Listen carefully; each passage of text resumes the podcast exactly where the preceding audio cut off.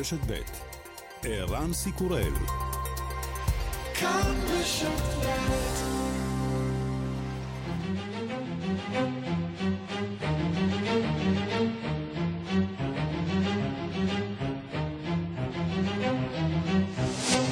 השעה הבינלאומית 16 במרס 2022 והיום בעולם ראשי הממשלות של פולין, סלובניה וצ'כיה עשו אתמול צעד מסוכן שוודאי מזכה אותם בלא מעט נקודות בעולם ובבית. בעידן הנוכחי ביקור דיפלומטי שגרתי בקייב איננו אפשרי עוד, אבל קו הרכבת לקייב עדיין פועל. וכך מצאו עצמם שלושה מנהיגים בכירים באיחוד האירופי, חומקים בין הפגזות רוסיות, כדי להעביר לנשיא אוקראינה מסר ברור, העולם איתך, אוקראינה לא לבד. ראש ממשלת פולין מתאוש מורבייצקי. Status has to invite Ukraine to the European Union and all the defensive weapons to defend your homes. We will try to organize, orchestrate all over the world. We will never leave you alone. We will be with you because we know that you are fighting not only for your homes, for your freedom, for your security, but also for ours. האיחוד האירופי צריך להעניק לאוקראינה מעמד מועמדת, ויותר מזה, עליו להזמין את אוקראינה לאיחוד האירופי. אנחנו ננסה לגייס את כל הנשק האפשרי להגן על הבתים שלכם. לעולם לא נעזוב אתכם לבד. נהיה איתכם משום שאנחנו יודעים שאתם נלחמים לא רק על הבתים שלכם, על החירות שלכם, על הביטחון שלכם, אלא גם על ביטחוננו.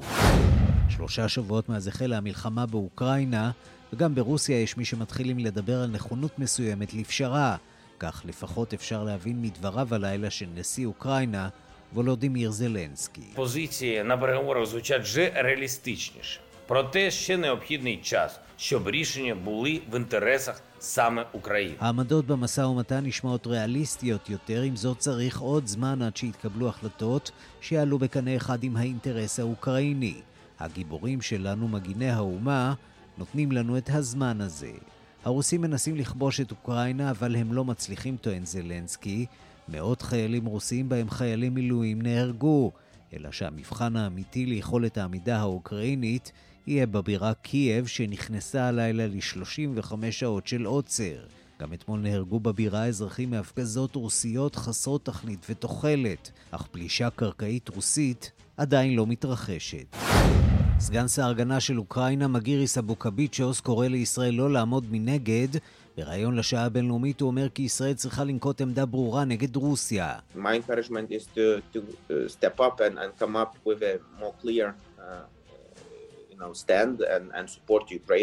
because in the current circumstances there is no Uh, מעט מאוד מדינות, בעיקר דיקטטורות, בוחרות בצד הרוסי, אבל כל העולם הדמוקרטי כולו בוחר בבירור בצד האוקראיני.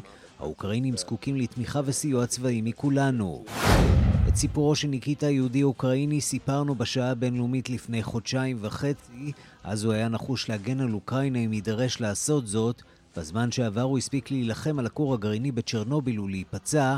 היום בתוכנית כתבנו גלעד שדה עם הקרב של ניקיטה לשיקום. I was injured when Russians tried to capture a building where I was. Uh, several of us were killed, many are injured. I was very lucky that one bullet hit the bulletproof vest and the other went through the leg. Now I'm ready to come back. נפצעתי כשהרוסים ניסו לתפוס את הבניין שהייתי בו. חלק מאיתנו נהרגו והרבה נפצעו. אני הייתי בן מזל, כדור אחד פגע בשכפ"ץ שלי ואחר פגע לי ברגל.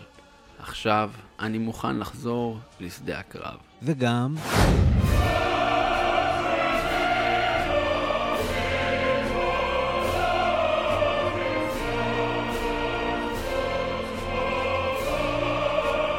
עולם התרבות מתגייס למען אוקראינה,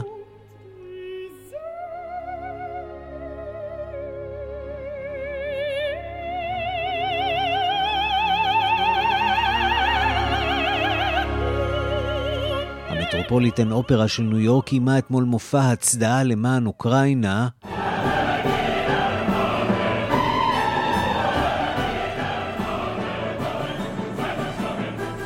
התוצאה כצפוי מרשימה מאוד.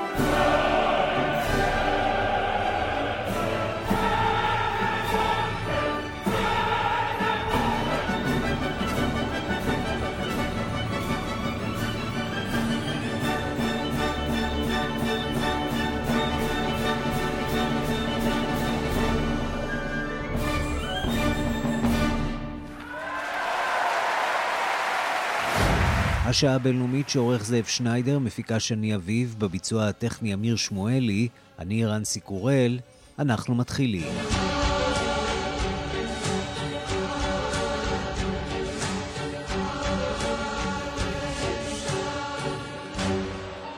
שלום אהב לכם, יום 21 למלחמה באוקראינה, הלחימה נמשכת בעיקר אה, בדרום מזרח המדינה, בירת קייב נתונה לעוצר, אבל בכמה מקומות אה, פגעו חלקי טילים בבנייני מגורים, מה שלא מנע מראשי אה, שלוש מדינות מזרח אירופה לערוך ביקור הזדהות, ובינתיים דווקא הצד הרוסי מודיע על אפשרות להסדר שיכלול ניטרליזציה של אוקראינה בנוסח אוקראינה, באוסטריה או שוודיה, הדיווח של כתבנו גדעון קוץ. המודל השוודי או האוסטרי לפתרון בעיית אוקראינה, זוהי הפצצה הדיפלומטית שזרק הבוקר שר החוץ הרוסי סרגיי לברוב. אמנם מדובר במדינות ניטרליות, אבל מצד שני הן חברות באיחוד האירופי, גם אם בינתיים אוקראינה דורשת ערבויות ביטחון תחילה. פשרה כזאת נראית קבילה אם אכן רוסיה תעמוד בה. השיחות בין הצדדים נמשכות בעזרת וידאו, אך בינתיים מבני מגורים ותושביהם ממשיכים להיפגע בקייב במהלך העוצר שהוטל עליה אמש ל-36 שעות רשמית כדי לאתר סוכנים רוסיים שפשטו לדברי השלטונות על העיר. הבוקר נפגע בניין בין 12 קומות, לפחות שני דיירים נפצעו, אם אתמול ניתן היה למצוא סיבה לפגיעה בבניין שאחסן סניף של מפעל לייצור טילים, הרי שלגבי רוב הפגיעות מעלים האוקראינים עצמם הסבר לפיו מדובר בחלקי טילים שיורטו והבניינים שנפגעו לא היוו עבורם מטרה. בחרקיב נהרגו בהפגזה שני אזרחים. יועץ הנשיא אולקסי ארסטקוביץ' הודיע כי אוקראינה ביצעה כמה מתקפות נגד קטנות בלילה שעבר, אבל העידוד הגדול בא בלי ספק מביקורם בבירה המותקפת של מנהיגי המדינות האחיות פולין, צ'כיה וסלובניה, שהגיעו ברכבת מלביב, לשם שינוי בלי המוני פליטים שנדחקו בקרונם, כפי שזה קורה לעיתונאים פשוטים. הנשיא וולודימיר זלנסקי הודה להם כמובן בחום. коли і це правда, я говорю це відкрито, коли багато навіть амбасадорів покинуло Україну через повномасштабне вторгнення Російської Федерації на нашу землю. І ці люди, поважні люди, лідери. בימים אלה ששגרירויות רבות עזבו את אוקראינה בגלל הפלישה הרוסית הרחבה, אנשים נכבדים אלה, מנהיגי מדינות אירופיות יפות ועצמאיות, לא פוחדים משום דבר. זהו צעד אמיץ וידידותי עם ידידים ושכנים כאלה. נוכל להביס את מי שלא אזכיר את שמו. ראש ממשלת פולין, מתאוש מורבייצקי, הבטיח שאוקראינה לא תהיה לבדה לעולם. We will never leave you alone. We will be with you. Because we know that you are fighting not only for your homes, for your freedom, for your security, but also for ours. אנחנו נהיה איתכם משום שאנחנו יודעים שאתם נלחמים לא רק עבור בתיכם, החופש והביטחון שלכם, אלא גם עבור האחרים. אגב, מורבייצקי הביא איתו את סגנו הרשמי ירוסלב קצ'ינסקי, שהוא בעצם האיש החזק של המדינה, ואחיו של הנשיא המנוח לך קצ'ינסקי, שנהרג בתאונת מטוס בסמולנקס, שאחיו והפולנים הרבים מאוד מייחסים לרוסים. ובינתיים הגיע לקייב לביקור בן חמישה ימים גם פטר מאורר, נשיא הצלב האדום. זלנסקי הבלתי נלאה ממשיך גם בהופעותיו בפני פרלמנטים שונים. בקנדה הוא פנה במילים נרגשות לראש הממשלה ג'סטין טרודו. Уявіть, що значить кожного дня чути доповідь про загиблих дітей. Так, ви президент або керівник уряду, але ви просто про це чуєте. Про загиблих дітей. І загиблих стає все більше і більше. 97 убитих дітей на сьогоднішній ранок. ג'סטין יקר, חברים יקרים, האם תוכלו לתאר לעצמכם כי כל יום אנחנו מקבלים ותזכיר שמפרט את מותם של ילדים? אנא סגרו את השמיים, עזרו לנו, כמה טילי אישיות יצטרכו עוד ליפול על ערינו. הרי תוכלו לתאר לעצמכם טילים נופלים על שדה התעופה של אוטאווה בבריסל התכנסו שרי הגנה של נאט"ו למושב מיוחד, שאליו הוזמן גם המטעם האוקראיני, כהכנה לפסגה ביום חמישי הבא, שבה ישתתף גם הנשיא ביידן. מזכיר ההגנה האמריקני לויד אוסטין אמר כי נוכחות השרים מצביעה על האחדות של החברות בתמיכה באוקראינה מול הפגישה הרוסית. I think our presence here sends a signal to the world that we remain united in our support of Ukraine. and we condemn uh, Russia's unprovoked and unjustified invasion into Ukraine. And so Ukraine has a legitimate and sovereign government, and certainly we support their ability to defend themselves, and we'll continue to support them going forward. נמשיך לתמוך בהם בהתקדמותם. והגיבורה התקשורתית של המחאה ברוסיה עצמה, אשת הטלוויזיה, מרינה אופסיאניקובה, שהניפה שלד בגנות המלחמה במהלך מהדורת חדשות ברשת הרשמית, יצאה לבסוף עם עשרה ימי מעצר.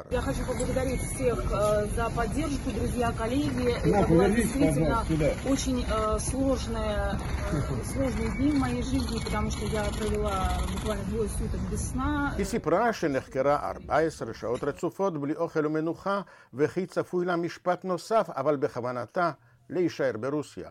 כאן גדעון קוץ. שלום לקרל וולך, איש עסקים ובלוקר אה, באוקראינה, בקייב. שלום ערן. של- מה מצבכם? אה, מצבנו על פניו נראה יותר טוב מ- ממה שהיה לפני שבועיים.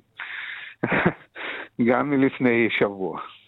למה? בגלל המשא ומתן שמתנהל והסימנים הראשונים להתקדמות? לא, לא, לא, ד- לא דווקא בגלל משא ומתן, דווקא אה, משום שיש יש הצלחות לצבא, אז אה, כן, יש התקדמות, לחלק, אה, אה, בכמה כיוונים, הצבא לא- עוד לא אה, התחיל כאילו להכריז על מה שהשיגו, אבל כן, יש התקדמות ויש הצלחות לא קטנות. ואתם, אה, אני מניח, הלו. מקווים שהצבא הרוסי לא יצליח להיכנס אה, לתוך הלו. אה, שטח קייב. הלו. כן, קרל וולך, האם אתה שומע אותנו? מטבע הדברים, הקו לקייב משובש. אנחנו ננסה לחדש את הקשר עם קרל וולך ולקיים איתו את השיחה. אבל בינתיים אה, נביא לכם את אה, סיפורו של ניקיטה, יהודי אוקראיני, שהבאנו כאן את סיפורו בשעה הבינלאומית לפני חודשיים וחצי. אז הוא היה נחוש להגן על אוקראינה אם יידרש לעשות זאת. בזמן שעבר הוא הספיק להילחם על הכור הגרעיני בצ'רנוביל ולהיפצע. אה, היום בתוכנית כתבנו גלעד שדה מביא את הקרב של ניקיטה לשיקום.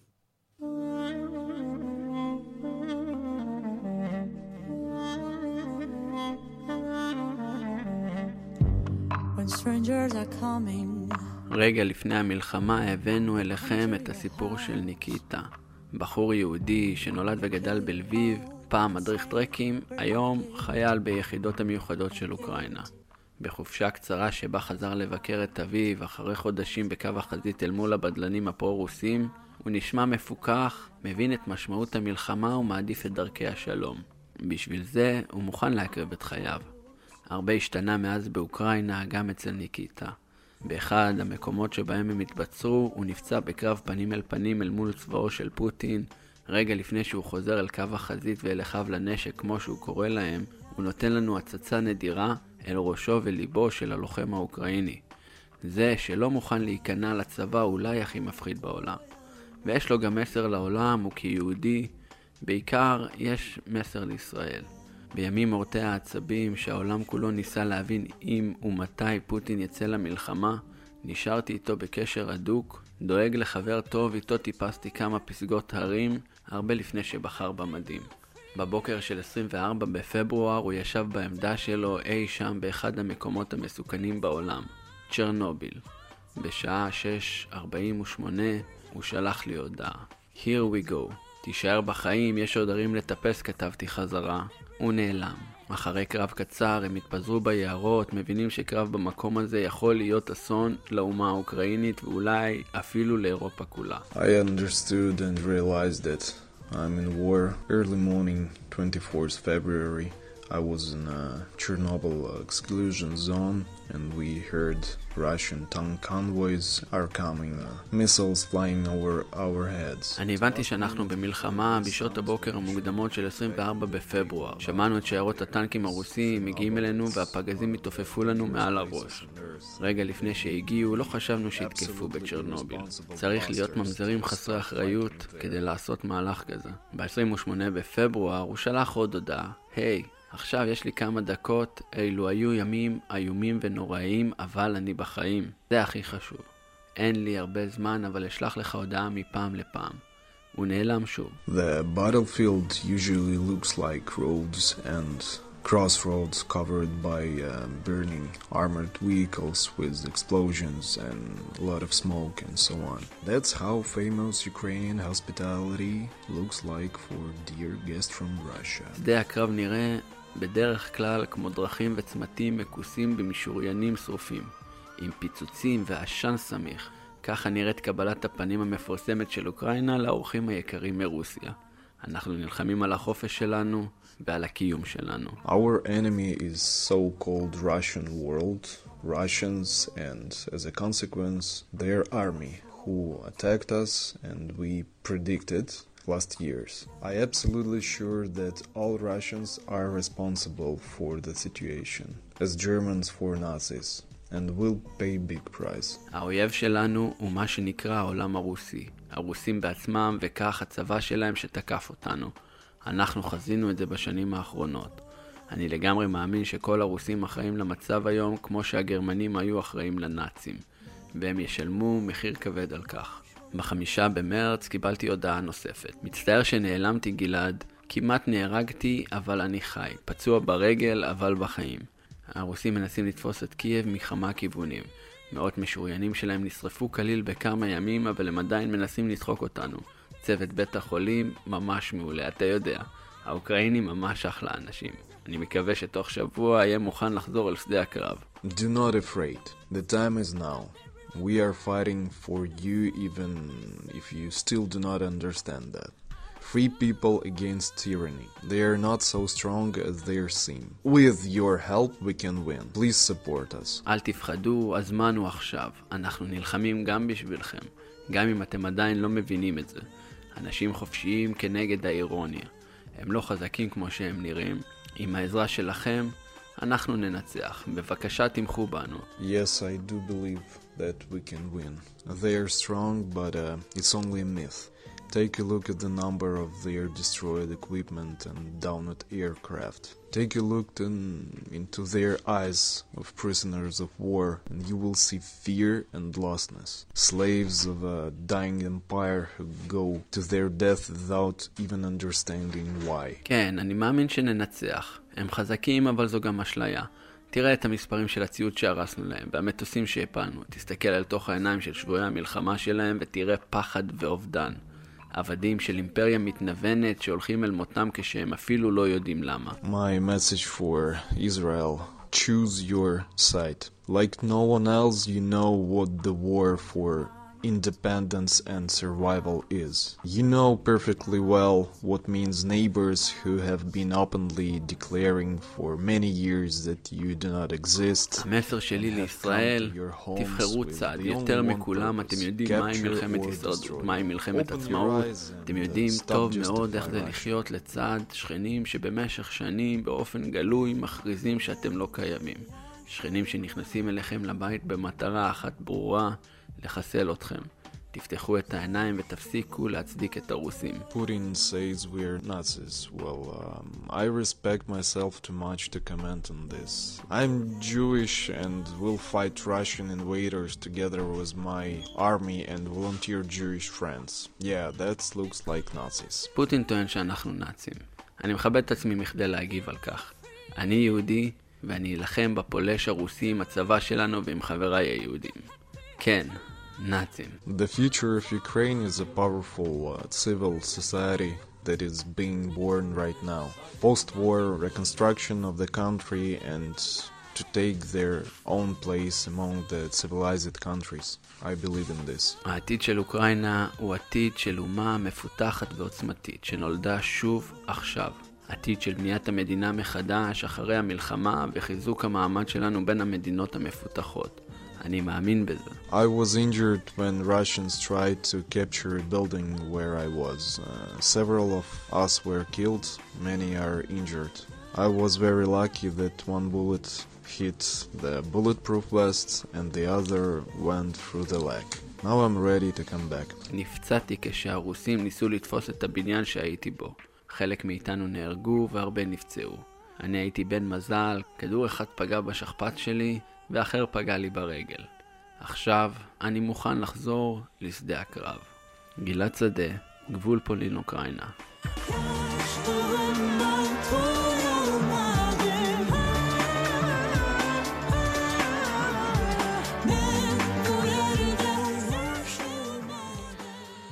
שלום לקרל וולך, איש עסקים ובלוגר באוקראינה. שלום. מה שלומך שם אה, בקייב? אנחנו מנסים שוב לדבר איתך, בתקווה שהפעם אה, יהיה לנו קצת יותר אה, מזל. אתה שומע אותנו היטב? כן, אני שומע טוב, אני מקווה שגם אתם שומעים. אני בסדר, אה, אני בסדר, כאילו, לאור מה שקורה במדינה, מצבי מצוין. אתמול הייתי לנו. בקייב. אה, כן. אה, מה ראית כאילו, אני בקייב? ראיתי- כן, אה, אתמול הייתי בקייב, פשוט אה, נסעתי ל- לדירה שלי, אה, כאילו הדירה העירונית מה- מהבית בפרברים, והיה מאוד קשה להגיע לקייב. כמעט כל- כל, בכל צומת עצרו ובדקו וזה היה מידע מודיעיני מאוד מרוכז שהקבוצה, קבוצות הדיברסנטים של הצבא הפרטי בשם וגנר, יש כאלה ברוסיה, אה, ינסו להגיע לקייב, למרכז, אה, בכדי לפגוע בכל מיני אה, אובייקטים רגישים. אז זה היה לא פשוט. לכן מאתמול בערב, משמונה בערב, ועד מחר בבוקר, זאת אומרת יממה וחצי, יש עוצר אה, מוחלט.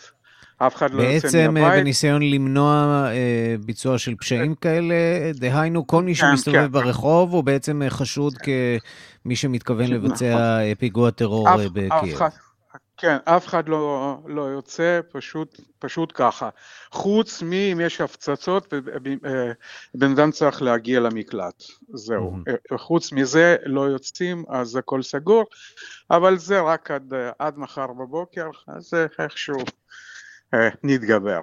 תגיד, איך זה אה, נראה שם אה, בחנויות? יש מזון, יש מים, יש חשמל, יש אינטרנט? כן, יש מזון, יש, יש אה, בקייב, זה בכלל לא בעיה, גם בפרברי קייב, איפה שאני נמצא, אה, ממש אין, כאילו, יש... תחילת המלחמה, אבל אה, כן, הקו שוב משתבש לנו, אז אנחנו אה, נאלץ אה, להסתפק בדברים האלה. אה, קרל וולך, איש עסקים ובלוגר בקייב שבאוקראינה, תודה רבה לך בשלב הזה. נצא להפסקת פרסומות קצרה, ואחריה ראיון עם סגן שר ההגנה של ליטא והמסר שלו לישראל. השעה הבינלאומית, אה, סגן שר ההגנה של ליטא, מגיריס אבוקביצ'וס, אה, קורא לישראל שלא לעמוד מנגד. בריאיון לשעה הבינלאומית הוא אומר, ישראל צריכה לנקוט עמדה ברורה נגד רוסיה. מעט מאוד מדינות, בעיקר דיקטטור, אה, דיקטטורות שבוחרות בצד הרוסי ישנן, אבל כל העולם הדמוקרטי כולו בוחר בבירור בצד האוקראיני. האוקראינים זקוקים לתמיכה וסיוע צבאי מכולנו. הנה הרעיון שקיימתי איתו. מרגיריס אבוקביצ'וס, תודה רבה שהצטרפת אלינו. It's, uh, it's a pleasure, always. אז יש משא ומתן בין רוסיה לאוקראינה, האם אתם מקבלים אינדיקציה כלשהי בנוגע למשא ומתן הזה וסיכויי ההצלחה שלו? Frankly, I'm very suspicious about uh, this process, which is called uh, negotiations, uh, uh, because אם לומר את האמת, אני מאוד חשדן לגבי התהליך הזה שנקרא משא ומתן, משום שאנחנו לא יכולים לסמוך על רוסיה. רוסיה הוכיחה שאי אפשר לסמוך עליה. היא לא מעוניינת לפתור בעיות בדרך דיפלומטית, וכל הפלישה הגדולה הזאת היא דוגמה ברורה לכך. אז אני לא רואה אותם באמת מוכנים לנהל משא ומתן בנסיבות הנוכחיות. איך אפשר להגיע לבסיס משותף עם אוקראינה, בשעה שרוסיה תוקפת ערים, כיכרות, אזרחים? אני באמת לא מצפה להרבה מהמשא ומתן הזה.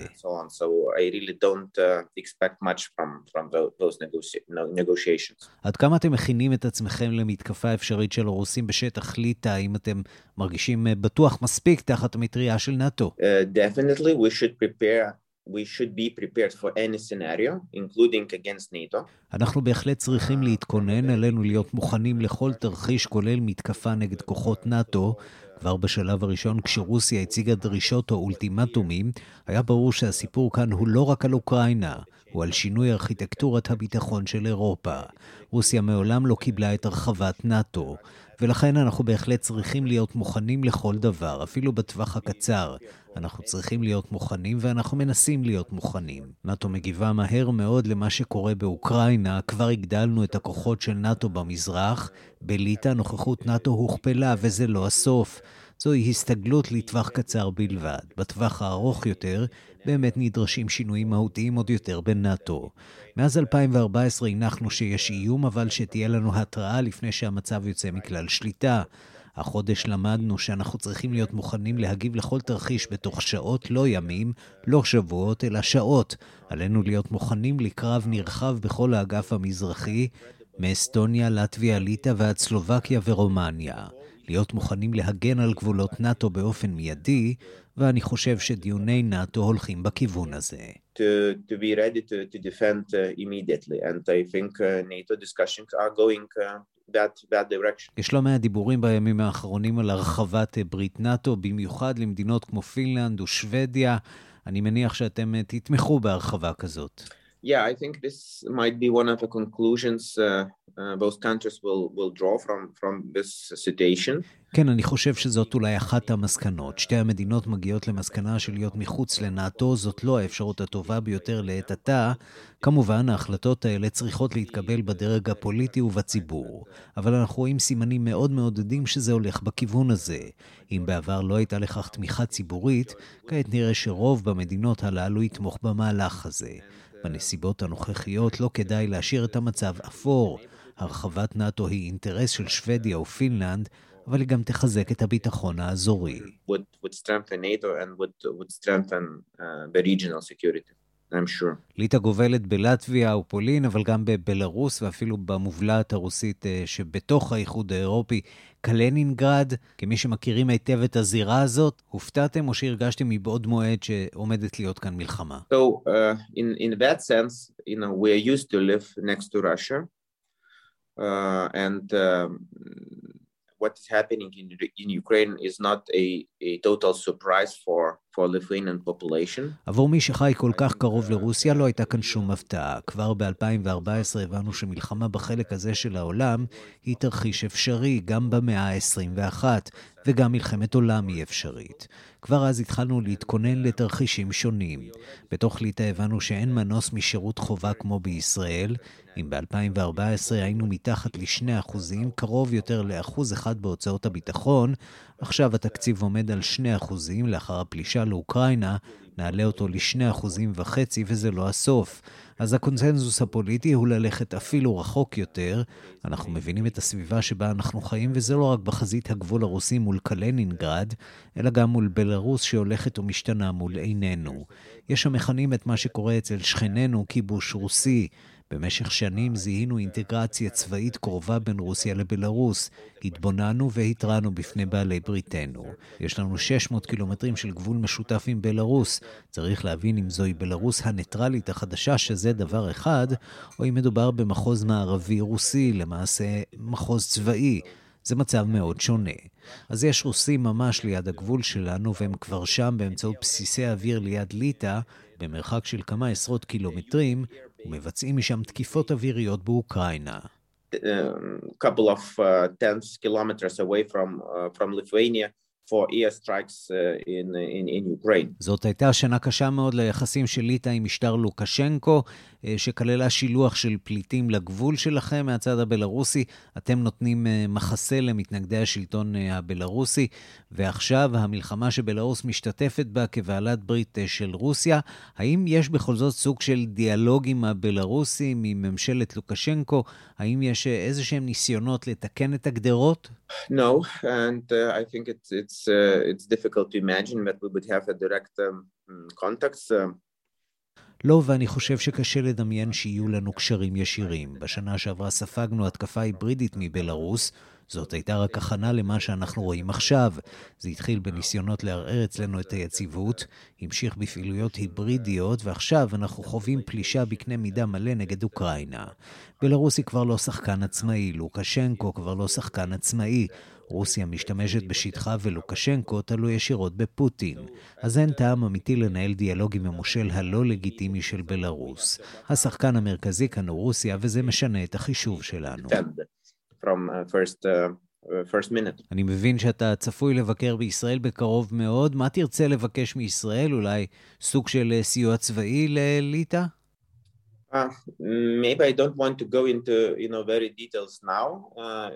אני לא רוצה להיכנס לפרטים כרגע, אולי אחרי הביקור תהיה לנו הזדמנות לדבר. תחום אחד שבו כן ננסה לבנות שיתוף פעולה הדוק יותר, הוא בתחום אבטחת הסייבר. כבר יש לנו קצת ניסיון בזה, ואנחנו חולקים קצת מידע, אבל נראה שהתקפות הסייבר שכיחות יותר אצלכם.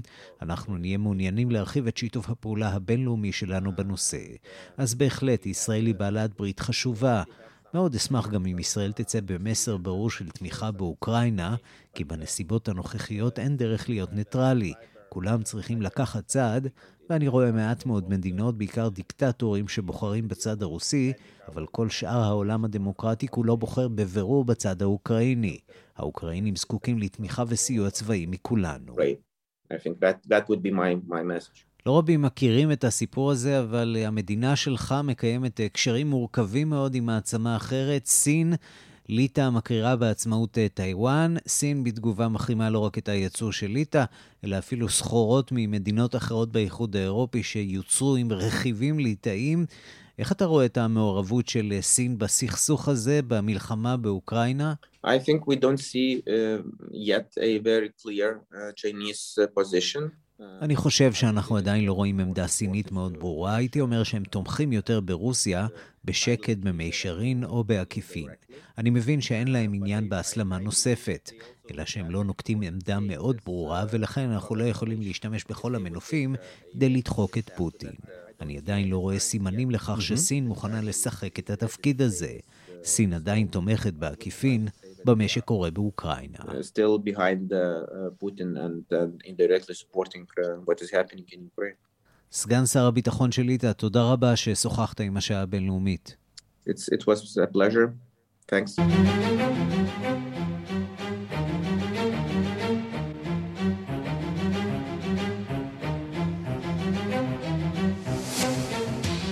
נשיא ארצות הברית ג'ו ביידן צפוי להודיע היום על חבילת סיוע צבאי נוספת לאוקראינה בגובה של 800 מיליון דולרים. שלום לכתבנו בוושינגטון, נתן גוטמן.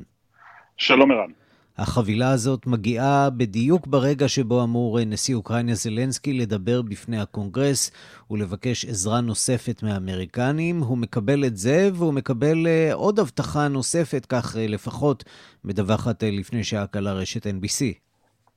כן, הנשיא זלנסקי אמור לדבר בקונגרס ממש בעוד פחות מחצי שעה ולחזור שם על הבקשות שלו, בקשות תחינות כמעט לסיוע צבאי משמעותי כמה שיותר, כולל אגב בקשות שהוא צפוי לחזור עליהן לאזור אסור בטיסה מעל שמי אוקראינה. שעה קלה אחר כך ג'ו ביידן יכריז על חבילת הסיוע שהוא נותן לאוקראינה, סיוע הצבאי, הגובה שהממשל מדבר עליו הוא של מיליארד דולרים, אבל זה בעצם כולל 200 מיליון שכבר הוכרזו בשבוע שעבר, והשאלה היא מה החבילה הזאת תכלול. אנחנו יודעים שהיא תכלול הרבה מהדברים הרגילים, שזה הם, הציוד הבסיסי של הג'אבלינים והסטינגרים, אותם הם, טילים שאפשר להשתמש בהם נגד הם, טנקים ונגד מטוסים. הסטינגרים כמובן היו גורם מכריע בשעתו במלחמה באפגניסטן. כל זה טוב ויפה וזה באמת עוזר מאוד לאוקראינים לעצור את הצבא הרוסי, או לפחות מאוד מאוד להקשות עליו, אבל דיווחים מהשעה האחרונה מדברים על כך שביידן ילך צעד אחד קדימה וייתן גם לאוקראינים, גם בתוך החבילה הזאת, מל"טים מתקדמים שיכולים בעצם להתרסק אל תוך טנקים רוסים ולפגוע בהם בצורה מדויקת יותר, זאת תהיה עליית מדרגה מבחינת הסיוע הצבאי, וגם איזושהי היערכות, בין אם זה של הברית או של מדינות נאט"ו, ואולי נשמע על זה היום, או שנשמע על זה בשבוע הבא בפסגת ראשי מדינות נאט"ו, של העברת טילים, מערכות טילים, טילי נ"מ מתקדמים מתוצרת סובייטית אגב, לידי האוקראינים, מערכות שיוכלו לעזור להם לא רק ליירט מטוסים רוסים, אלא בעיקר טילי שיוט מהסוג שככל הנראה פגע במחנה האימונים על גבול פולין אך השבוע, כך שמדובר בשדרוג משמעותי לצבא האוקראיני, אבל כל זה נעשה על ידי העברת ציוד, לא על ידי העברת אנשים או לוחמים לצד של אוקראינה. מדברים שאמר בנושא הזה אתמול הנשיא ג'ו ביידן. We've already committed more than $1 billion, $200 million in security assistance to the people of Ukraine just over the past year. And I, I know all of you know that. It's preaching to the choir here. But uh, we've been providing anti-armor, taking out tanks, air, air, anti-air capabilities, directly to the Ukrainian forces. And we're also facilitating significant shipments of security assistance from our allied partners to Ukraine. With this new security funding and the drawdown authorities in this bill, we're, remo- we're moving urgently to further augment the support to the brave people of Ukraine as they defend their country. כן, אנחנו מגבירים את הסיוע האנשים האמיצים של אוקראינה בשעה שהם אה, מגינים על ארצם, אה, אומר הנשיא אה, ביידן. שני דברים שבעצם מגבילים את היכולת של ארצות הברית והמערב לסייע בציוד, סליחה, צבאי לאוקראינה. האחד זה איך מעבירים את הציוד הזה, הוא יהפוך להיות מטרה של הרוסים. בהתחלה האמריקנים וגם מדינות נאט"ו נמנעו מהעברת ציוד משמעותית מדי מחשש שזה ייחשב להסלמה ויעורר תגובה רוסית, הם פחות פוחדים מזה עכשיו, אבל עדיין באמת יש את השאלה של דרכי הגישה.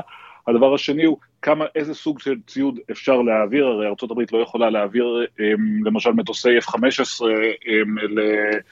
לאוקראינה או מערכות נ"מ אמריקאיות מתקדמות, כי אין שם את כוח האדם שיודע להפעיל את זה ואין לאף אחד כוונה לשלוח חיילים אמריקנים לתפעל את זה, ולכן זה צריך להיות ציוד מתקדם, אבל מסוג הציוד שהאוקראינים יכולים להפעיל אותו בלי הכשרה מוקדמת, אין עכשיו כמובן זמן להכשרות. כן, במידה רבה המלחמה הזאת אה, הופכת למלחמת אה, פרוקסי של האמריקנים נגד הרוסים, כשהרוסים אה, לא בפרוקסי, הרוסים שם בנוכחות מלאה מול האוקראינים.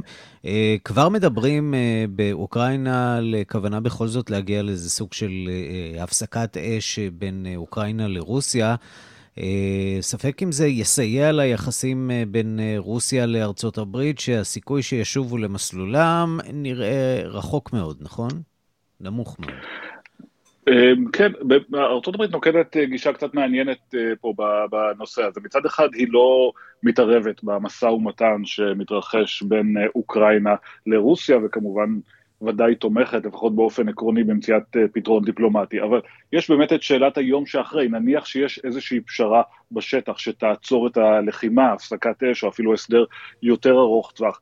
אמ, מה זה אומר לגבי היחסים? האם ארה"ב אמ, מסירה את העיצומים מעל רוסיה? ואם כן, האם את, את הכל? ואם כך, אז אבד הלחץ עליהם לעתיד. הדברים האלה נשארו סבוכים והם בעצם מהווים איזושהי שכבה שנייה של הבעייתיות של זה, אם וכאשר תושג הסכמה בין האוקראינים לרוסים על הפסקת הלחימה. ועוד שאלה שעולה זה זו איזו אה, ברית נאט"ו אה, ארה"ב רוצה ביום שאחרי סיום הלחימה. עכשיו אולי מול אה, רוסיה אה, חלשה יותר, במידה מסוימת, כמובן שעוד אה, קצת מוקדם לקשור כתרים לאוקראינים, אבל במידה רבה מובסת מול צבא יחסית קטן. לא האיום הגדול אולי שבנאטו חששו ממנו במשך שנים, מצד שני, כזה שבהחלט מעורר הרבה מאוד חרדה באירופה. בוודאי, וזה אחד הדברים שאנחנו נראה הם, אה, כמובן אה, אה, בפסגה של ראשי מדינות נאט"ו בשבוע הבא, את השאלה הזאת של איזה מין נאט"ו יוצא מהעימות הזה. מצד אחד הוכח שהכוח שלו מאוד מוגבל כי הוא לא יכול או לא רוצה להתערב מחוץ לגבולות של נאט"ו. מצד שני, עצם העובדה הזאת שהמדינות מאוחדות, עצם העובדה שאנחנו שומעים על הזזת כוחות שלהם וגם שמדינות חברות בנאט"ו בעצם מגדילות את התרומה שלהם, את ההשקעה שלהם בציוד אה, צבאי, בהשקעה שלהם במערכת הביטחון שלהם כחלק מנאט"ו, כל זה בעצם מחזק את הברית לקראת העימות הבא שיהיה עם רוסיה, אם יהיה, ושוב, כל זה בהנחה שגם העימות הזה, ואנחנו לגמרי לא שם. נתן גוטמן, כתבנו בוושינגטון, תודה. תודה רבה.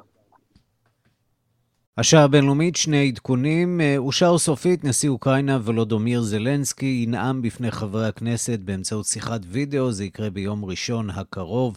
בשש אה, בערב. יושב ראש אה, הכנסת, חבר הכנסת מיקי לוי, אומר, לכבוד יהיה לי ולכנסת לארח את הנשיא זלנסקי, לנאום בפני אה, חברי הכנסת בשעה קשה זו שבה ניצב העם האוקראיני. ועוד דיווח מעניין שמגיע אלינו מכתבתנו המדינית גילי כהן, ערוץ 9 הישראלי נחסם לצפייה ברוסיה.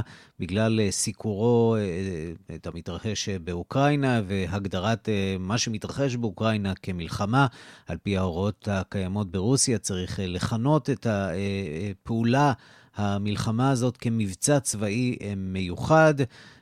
מנכ"ל ערוץ 9, יורי קגנוביץ', אמר לכאן חדשות שערוץ 9 הוא ערוץ ישראלי, ולכן, כצפוי, הוא משרת את הקהל הישראלי בנאמנות ובאמינות. כמו כל ערוץ ישראלי אחר. מה לעשות, מדווחים את האמת, זה קצת קשה לרוסים לתפוס, אבל זה מה יש גם בערוץ 9 הישראלי. אנחנו מכאן לפינת המוסיקה העולמית שלנו. שלום למשה מורד, עורך ומגיש רדיו מונדו בכאן תרבות. כן, שלום ערן. היינו מאוד רציניים עד עכשיו, הכל בענייני אוקראינה, וכמעט כמעט שכחנו שמי שנכנס אדר מרבים בשמחה. ומי שנכנס אה, בפורים, מתחפשים, עוטים מסכות, אה, רצוי לו מסכות אה, כירורגיות. בוא תביא לנו קצת שמחה ביום הזה. תראה, גם שמחה וגם רצינות, בייחוד כשמדובר בשיר שאני הולך להשמיע.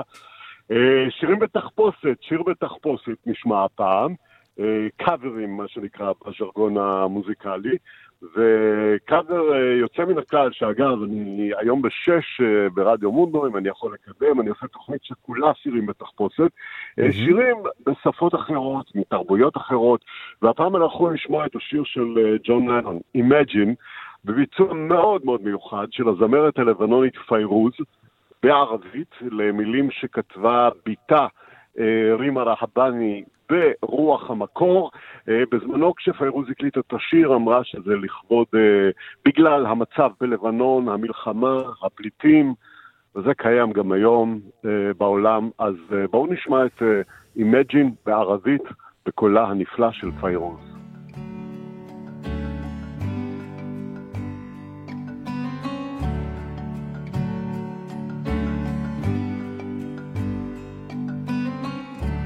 no one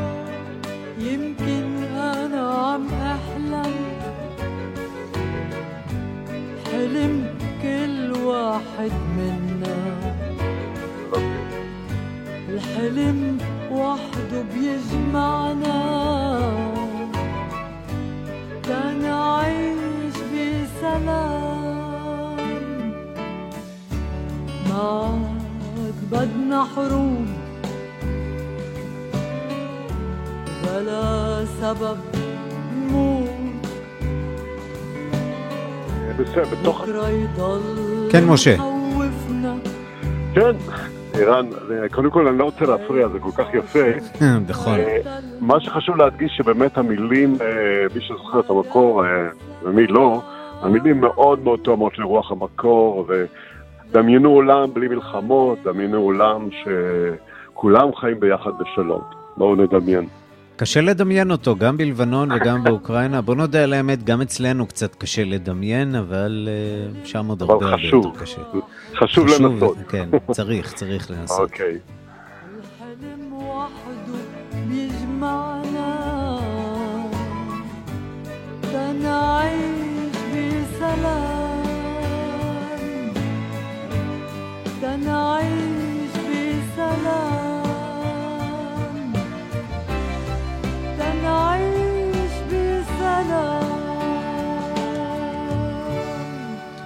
משה מורד, איש המוסיקה העולמית שלנו, תודה רבה. תודה, תודה ערן, חג שמח. ועד כאן השעה הבינלאומית, מהדורת אה, יום רביעי, אחרונה לשבוע הזה שערך זאב שניידר, המפיקה שני אביב, הטכנאי אמיר שמואלי. אני רנסי קורל, מיד אחרינו רגעי קסם עם גדי לבנה, מחר מרחבת עם ערן זינגר. אנחנו נפגשים שוב ביום ראשון בשתיים בצהריים עם מהדורה החדשה של השעה הבינלאומית, ועד אז המשיכו להתעדכן 24 שעות ביממה ביישומון של כאן, שם תוכלו למצוא את כל הדיווחים, הפרשנויות, הכתבות ומהדורות הרדיו והטלוויזיה בשידור חי. אתם מוזמנים גם להצטרף לעמוד הפייסבוק של כאן ב', להגיב ולהתחבר לתכנים נוספים שלנו, וגם לשמוע אותנו בדף ההסכתים של כאן או בכל יישומון הסכתים. חפשו אותנו. השעה הבינלאומית, יש שתי גרסאות, האחת גרסת ספיישלים שלנו, דברים שאנחנו מכינים במיוחד בשביל מאזיננו ברשת, וכמובן התוכנית היומית שגם היא עולה בפיד נפרד, ועוד הערב אנחנו רוצים להזמין אתכם בתשע ורבע, אם יש לכם טוויטר. אנחנו מתכוונים לקיים ספייס בטוויטר, שיחה עם המאזינים שלנו ועם כמה וכמה מומחים בתחום אוקראינה, לדון כמובן במלחמה, בסיכויי השלום, במתקפה, מתקפת הנגד שהאוקראינים מספרים שהם מנהלים עכשיו נגד הצבא הרוסי, לטענתם בהצלחה. הכל הכל הערב בתשע ורבע. איך מוצאים אותנו? חפשו או את ההודעות בכאן חדשות, או אפילו בחשבון הטוויטר שלי. אנחנו נפרסם במהלך היום את הלינק המדויק לשיחה הזאת. נשמח להיות איתכם ולשמוע מכם. להתראות.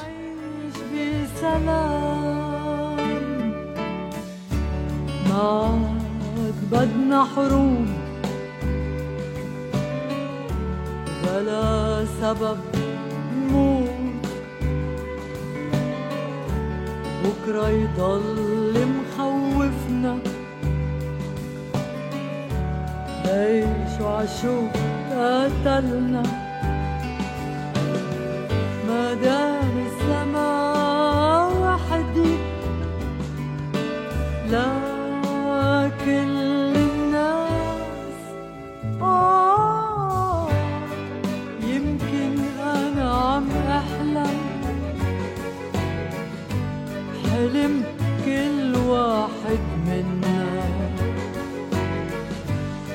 حلم وحده.